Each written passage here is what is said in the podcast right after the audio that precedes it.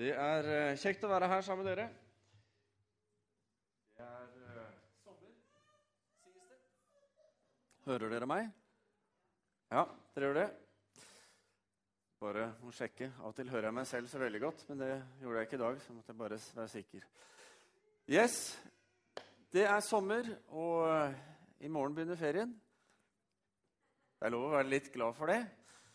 Eh, sånn er det. Da skjer det noe annet. Skal vi koble av, og det gleder vi oss til. Og kanskje er du akkurat ferdig med ferien din. Vi er jo sånn nesten midt på sommeren snart, og noen har vært, og andre som meg skal, og noen er midt i. Og uansett så ønsker jeg dere alle en god ferie, eller en vel overstått ferie. Det er det som er. For dere som ikke kjenner meg, så heter jeg Frode Øvergaard og er eh, pastor her i Misjonskirken. Og eh, ja, det er veldig bra å være her. Jeg håper du opplever det samme. At det å komme til Misjonskirken er en uh, god og en positiv opplevelse. Det er i hvert fall vårt ønske. At uh, det skal være både kjekt å være her, men også at du får noe gjennom å være her. At du opplever at her er et sted hvor uh, du kan få pleie ditt gudsliv. Det er vårt ønske. Vi skal begynne med å be.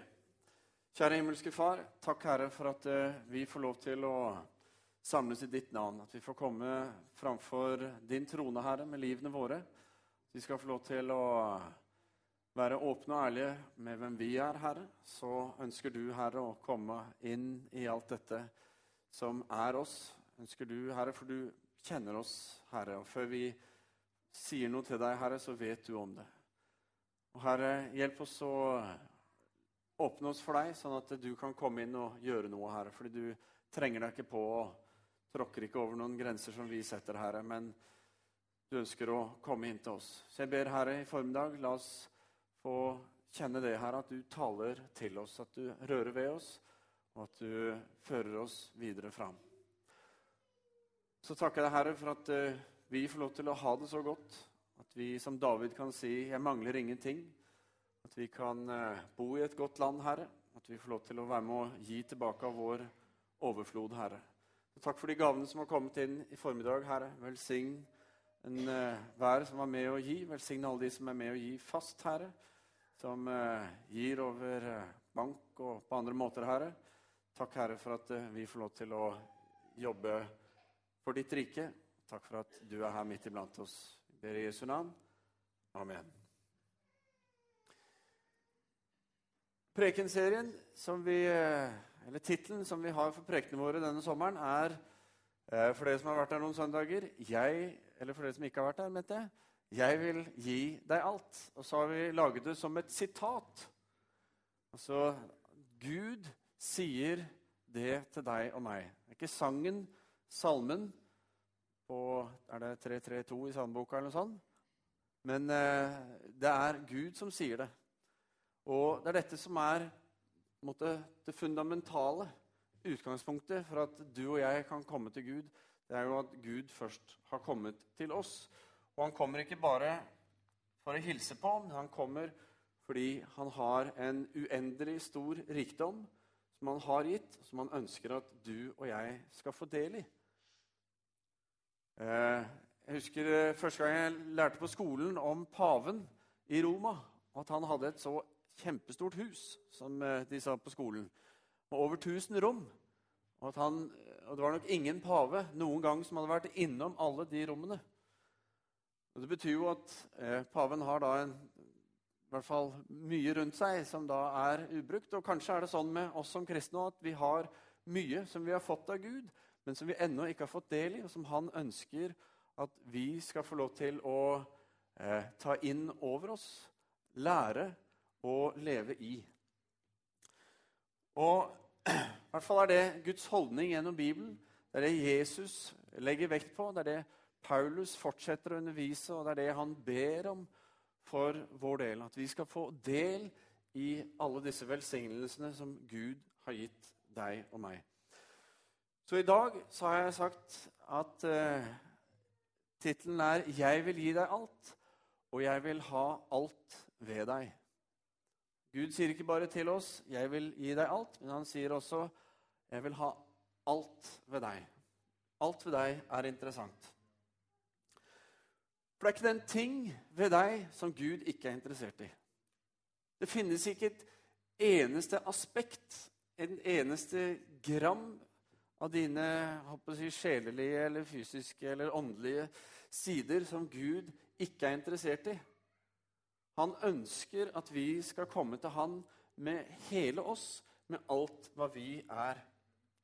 Det er, det sånn at det er veldig lett for oss som tror, oss som er kristne, som tror på Jesus, vi har så lett for å eh, Av og til bevisst, men kanskje oftere ubevisst, så trekker vi oss unna Gud når vi ser på vårt eget liv.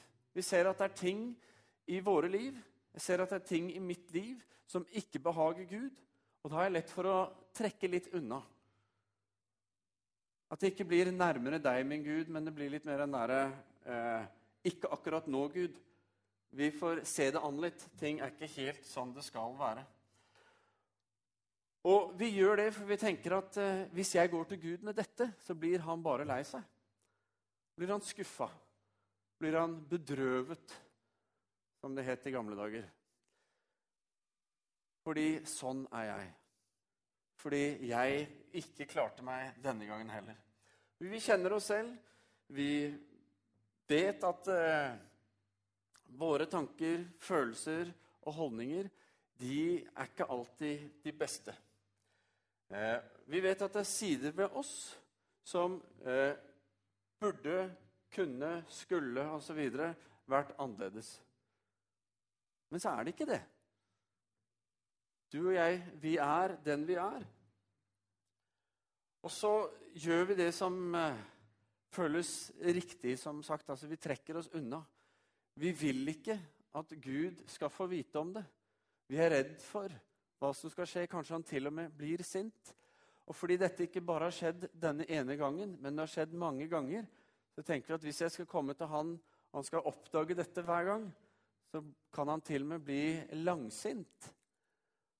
Og hvis vi har med en Gud, en evig Gud å gjøre, som lever i evighetens perspektiv, så er det ingen som vil at han skal bli langsint. For når tar det slutt, liksom? Det kan virke vanskelig. Jeg husker i mine tidlige tenår Jeg var vel så vidt blitt 13 da det var vanlig for meg å røyke. Jeg hadde begynt å røyke sigaretter, som det heter. Og jeg trengte ikke å gå til pappa og spørre han, du, pappa, hvis jeg begynte å røyke, hva vil du tenke da? Jeg visste jo hva det svaret ville være, så jeg gjorde ikke det. Jeg gikk ikke og spurte han om det. Men jeg gjorde alt jeg kunne for å hindre at han skulle oppdage at jeg gjorde det. Det betydde at jeg eh, Det var ikke det siste jeg gjorde før jeg kom hjem. Det var liksom å røyke. Nei da. Og jeg kjøpte tyggegummi og jeg kjøpte ditt, og jeg vasket tennene med sånn og gnei det inn med eh, sånn sånn barnåler og sånn. For det var litt effektivt. Man fant masse sånne kjerringtips som man tok tak i og benyttet til det fulle. For å skjule dette, for å passe på at pappa ikke fikk vite dette. Eh, jeg var ikke så redd for mamma, for hun hadde røyket selv i sin ungdom. så jeg hadde det på henne. Pappa han var litt uh, vanskeligere å ta. Men, Han hadde spist sjokolade, vet jeg. Men han uh, Det er jo ikke galt. det var bare tull. Men jeg gjorde alt jeg kunne for å hindre det. Og jeg husker veldig godt første gangen han oppdaget at jeg røyka. Den gangen var jeg 1,50 og veide kanskje 50. Ja, jeg var ikke store karen. Eh, søt var jeg riktignok, men jeg var ikke stor. Min far, som mange av dere kjenner, han var 1,90 og veide kanskje 85 eller 80. En gang han veide 63 og var 1,90, og da var han ganske tynn. Men uansett Forskjellen på oss var ganske stor. Og han var ingen sånn slåsskjempe som skulle bort og plukke og være liksom Kom igjen, gutter. Ikke sant? Ikke i det hele tatt. Men en dag så skulle han på død og liv slåss med meg. En tøyseslåss, altså. Og det var i kjellerstua eh, der vi bodde på Nordstrand i Oslo. Og det gikk jo ikke lang tid før han hadde overtaket. Det hadde han vel med en gang, men i hvert fall husker jeg at jeg lå nede på gulvet. Han satt over meg. Så holdt han hendene mine, og så la han den andre hånda oppå brystkassa, og så bare hvilte han med hele vekta nedpå. Og da kommer det meste opp. når du puster. Ikke sant? Det bare oser alt, både tyggegummi og alt, og så kom det fra han. 'Broder, det lukter nikotin av deg', sa han. Ja, jeg hadde jo smakt på det, måtte jeg jo innrømme. Jeg hadde smakt på det, tatt noen drag. Jo, han var jo han flinkere i sånn eh, diskusjoner enn det jeg var. Så når vi var ferdige, så hadde jeg vel røyka fem stykker den dagen. kom det fram. Så han oppdaget dette og var ikke veldig glad. Og for hver gang han oppdaget dette igjen, for jeg skulle selvfølgelig ikke gjøre det igjen, så ble han jo ikke Han ble jo sint igjen. Altså, vi fikk litt av den der samme greia. Og jeg vet ikke om det sier noe i forhold til ditt forhold til Gud. Om det er ting i ditt liv som fungerer på den måten. Altså, Vi tenker at om jeg bare skjuler det for han, så merker han det ikke. Og så lenge jeg klarer det, så er det bra. For da virker det som at ting er bra. Og så holder vi igjen. tenker vi det er det beste. La oss skjule dette. Men så er kanskje det i møte med Gud en av de aller største løgnene som vi kristne kan akseptere. At Gud At vi skal skjule ting i livet vårt for Han for å blidgjøre Han. I Filipperne, kapittel 4, vers 4-7, står eh, teksten jeg hadde lyst til å vektlegge i dag. Og Der sier Paulus, der han sitter i fengsel, Gled dere i Herren alltid. Igjen vil jeg si, gled dere. La alle mennesker få merke at dere er vennlige. Herren er nær. Vær ikke bekymret for noe, men la alt som ligger på hjertet, komme fram for Gud i bønn og påkallelse med takk. Og Guds fred, som overgår all forstand, skal bevare deres hjerter og tanker i Kristus Jesus. Gud vil ha alt ved deg og meg. Han vil at vi skal komme til han med alt. Ikke bare komme til han når vi har eh, hatt en eh, bra dag, liksom, hvor vi har fått til noe.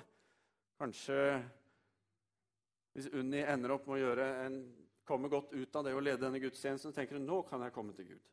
Og Går det dårlig, så holder hun seg vekke. Men det er ikke sånn. Eller om eh, du gjør noe som du virkelig ikke hadde lyst til å gjøre.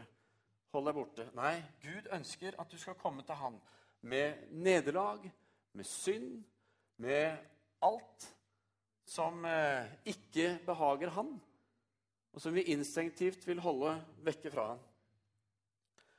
Han vil at vi skal komme med alt det til ham. At vi ikke skal skjule det. At vi ikke skal gjøre som Adam og Eva gjorde da de skjønte at det de hadde gjort, var galt. Og så gikk de og gjemte seg i buskene og kledde på seg og liksom alt dette for å begynne å skjule.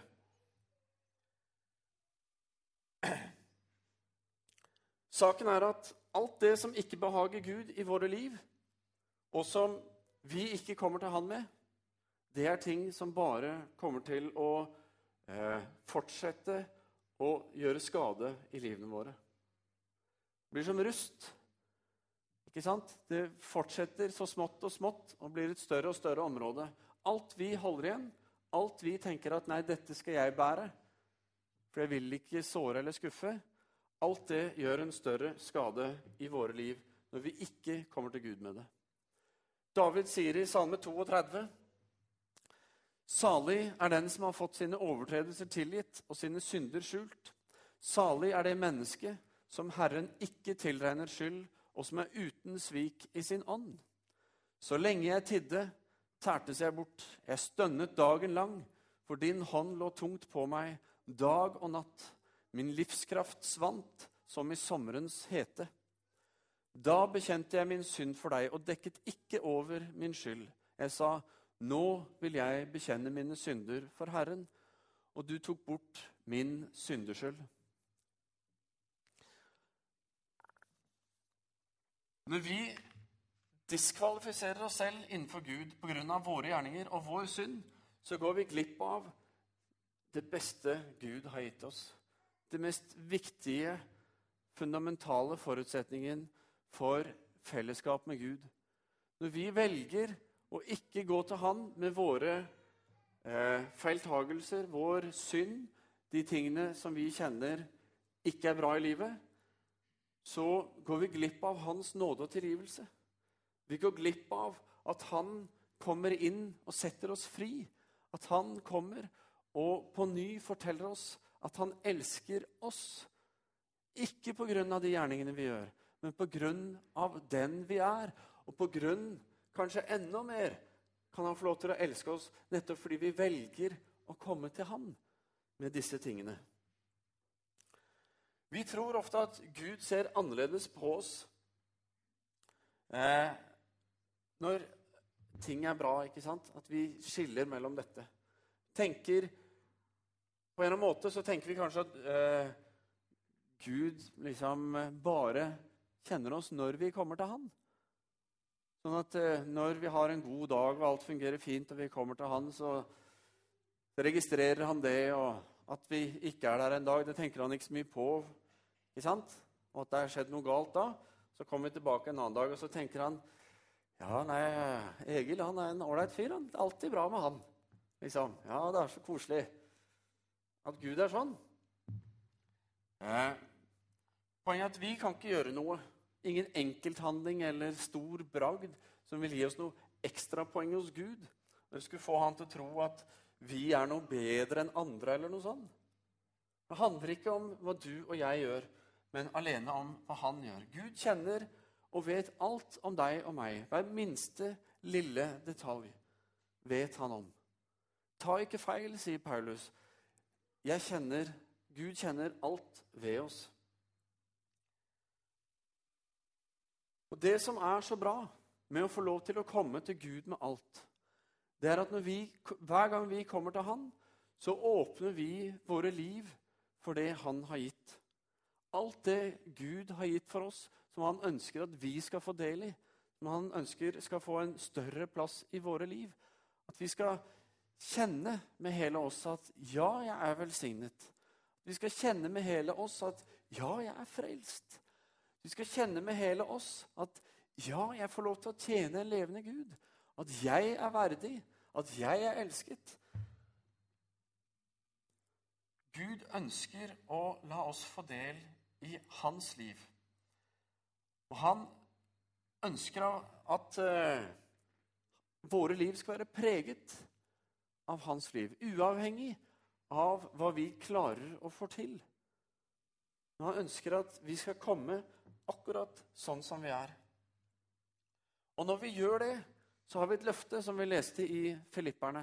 Når vi kommer til Han med alt, eh, i bønn, med påkallelse og med takk, hva sier han da? Jo, når vi gjør det, så får vi Guds fred over livene våre. Og vi får en fred som overgår all forstand. Altså en fred Vi får noe fra Gud som gjør så langt mye mer enn det vi noen gang kunne drømme om og forstå vil, ville kunne skje. Her Senest denne uken så var jeg i samtale med en som eh, kom til meg fordi kjente en veldig syndenød, en veldig motløshet. Og alt var veldig tungt. Og eh, så viste det seg at hovedvekten av denne syndenøden, hovedvekten av denne motløsheten, det handlet om ting som hadde skjedd i fortiden, mange år tilbake. Men så hadde det vært en situasjon som fremkalte minnene om dette. Som visket ut hele tidslinjen på mange år mellom det som hadde vært og vært en plage, men som var tilgitt. Det var kommet tilbake og vunnet ny plass. Og frykten for tilbakefall Tilbakefall var ikke skjedd, men frykten for det ble så stor at det førte til motløshet og usikkerhet på seg selv. Og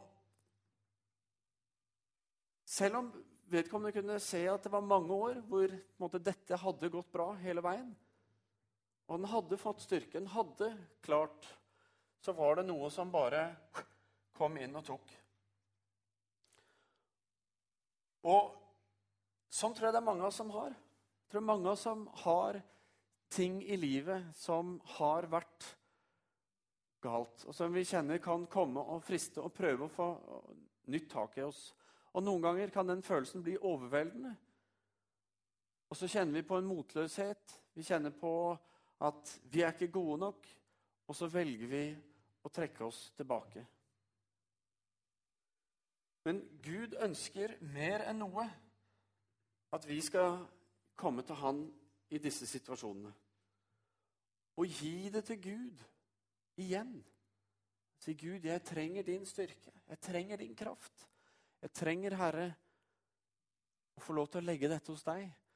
Kjenne at det du har gitt meg, det skal jeg få lov til å fortsette å gå i og fortsette å stå i. Og denne personen jeg pratet med, gjorde nettopp det. Ga det tilbake til Gud og opplevde en fantastisk fred etterpå. Gud fikk lov til å komme inn og dele alt av alt det han hadde gitt denne personen. Fra dyp nød til en fred som overgår all forstand. Det er Guds ønske med ditt liv. Og Det handler ikke bare om de dype, store, tunge, vanskelige tingene, men det handler om alt ved livet. Fra det minste til det største. Kom til Gud med alt. Legg alt framfor Han. Bønn og påkallelse med takk. Og jo mer vi får ta del i det som Gud har gitt oss, jo mer vi får lov til å erfare og åpne oss opp for at Gud gir oss del i den rikdommen som vi har fått, jo mer får vi eh, erfare den gleden som det faktisk skaper i oss når Gud får virke i oss. Når vi kommer i møte med Hans godhet og nåde, så ser vi tydeligere og tydeligere for hver gang hva Gud har gjort i livene våre.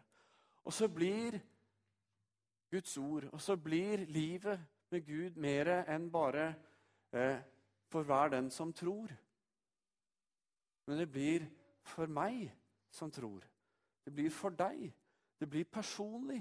Det blir noe du og jeg får lov til å bygge på og vokse på og utvikles ved. Fordi vi kommer til Gud, og han får lov til å overøse oss med sin godhet, kjærlighet, nåde og tilgivelse. Og masse mer, selvfølgelig. Jeg vil gi deg alt. Det er Guds holdning til deg og meg. Og Vi kjenner det fra lignelsen i Bibelen. Alt mitt er ditt, sier faren til den hjemmeværende sønnen i lignelsen om den fortapte sønnen. Alt mitt, det er ditt. Jeg har gitt det. Det er klart. Ved Jesu død og oppstandelse så er alt gitt. Og som Jesus selv sier, 'Meg er gitt all makt'. Derfor går dere ut. Jeg er med dere alle dager. Vi har fått alt. Men når vi holder tilbake, så går vi glipp av store velsignelser. Vi går glipp av frihet og fred. Vi går glipp av masse av Guds løfter når vi, når vi tenker at 'la nå meg bære det gale'. Men så har Kristus allerede båret alt det gale da han døde på korset. Alt det du og jeg strever med, har strevd med, kommer til å streve med, det har han båret. Så for oss å bære det blir meningsløst. Men å gi det tilbake til han som har båret det, for å få del i det han har vunnet, den seieren, friheten og freden, det unner jeg meg selv og dere så mye som mulig. Og det vi må trenes opp til det. Vi må lære oss selv tro at dette er sant. Så får vi erfare det og se det, og så blir det en del av livet. Disse henger så sammen og er viktig for vår utvikling og vei som kristne. For at vi skal kunne ta imot og leve i Guds velsignelse, at Hans kraft skal få virke i og gjennom oss. At vi skal få lov ikke bare til å være mottakere, men også givere av denne kjærligheten til menneskene rundt oss. Og jo mer vi har forstått, jo mer kan vi gi videre. Den som er blitt tilgitt mye, vil også tilgi mye. Den som er blitt tilgitt lite, vil tilgi lite, sier Jesus et annet sted. Kom til han med alt, for han har alt å gi. Og, han, og det stedet hvor han, tror jeg, i størst grad er med å bare forløse dette over våre liv, skal vi be. Kjære himmelske Far, takk, Herre, for at uh, du har åpnet en vei like inn til deg. Inn i det aller helligste. Inn til uh, din trone, der hvor du er. Og hvor du står med utstrakte armer. Hvor du tar oss imot. Hvor du, Jesus, har gått i forveien og åpnet opp for at vi skal få del i alt det du vant, alt det du gav. Herre, vi ber bare om at du skal la dette bli en sannhet i våre liv i mye større grad, Herre. At alt det du har gjort, alt det du har gitt, Herre, at det skal bli sant i våre liv. At det ikke bare skal bli noe vi tror på og hører på, men at det skal bli noe vi erfarer. Noe vi får lov til å leve i, velsignes ved og glede oss over. At vi kan glede oss i deg. At det er der gleden er. At det ikke er avhenger av dagen eller lønna eller hva som det måtte være. Men at du, Herre, kommer med ditt inn, og så skaper du bare noe nytt. Noe som overgår all forstand. Noe som sprenger alle grenser. Herre, jeg trenger det. Herre, vi trenger det. Så Herre, jeg ber, Herre, at du skal fylle oss med mot, Herre. At du skal hjelpe oss, Herre, at vi skal få lov å bestemme oss for at jeg vil legge dette fram for Gud. Jeg vil gi det til deg. Så kommer du, Herre, tar bort all for synders skyld. Så kommer du og renser oss hvitere enn snø. Og så fører du oss inn i velsignelsens sted, Herre, og vi får ta imot og leve sammen med deg. Hjelp oss, Herre, å alltid komme til deg. Jo før, jo bedre med alt. Takk, Herre, for at din holdning er nåde, den er tilgivelse. Det er kjærligheten, Herre, mer enn noe. Din kjærlighet til oss som velsigner oss og bærer oss fram. Priser deg i Jesu navn.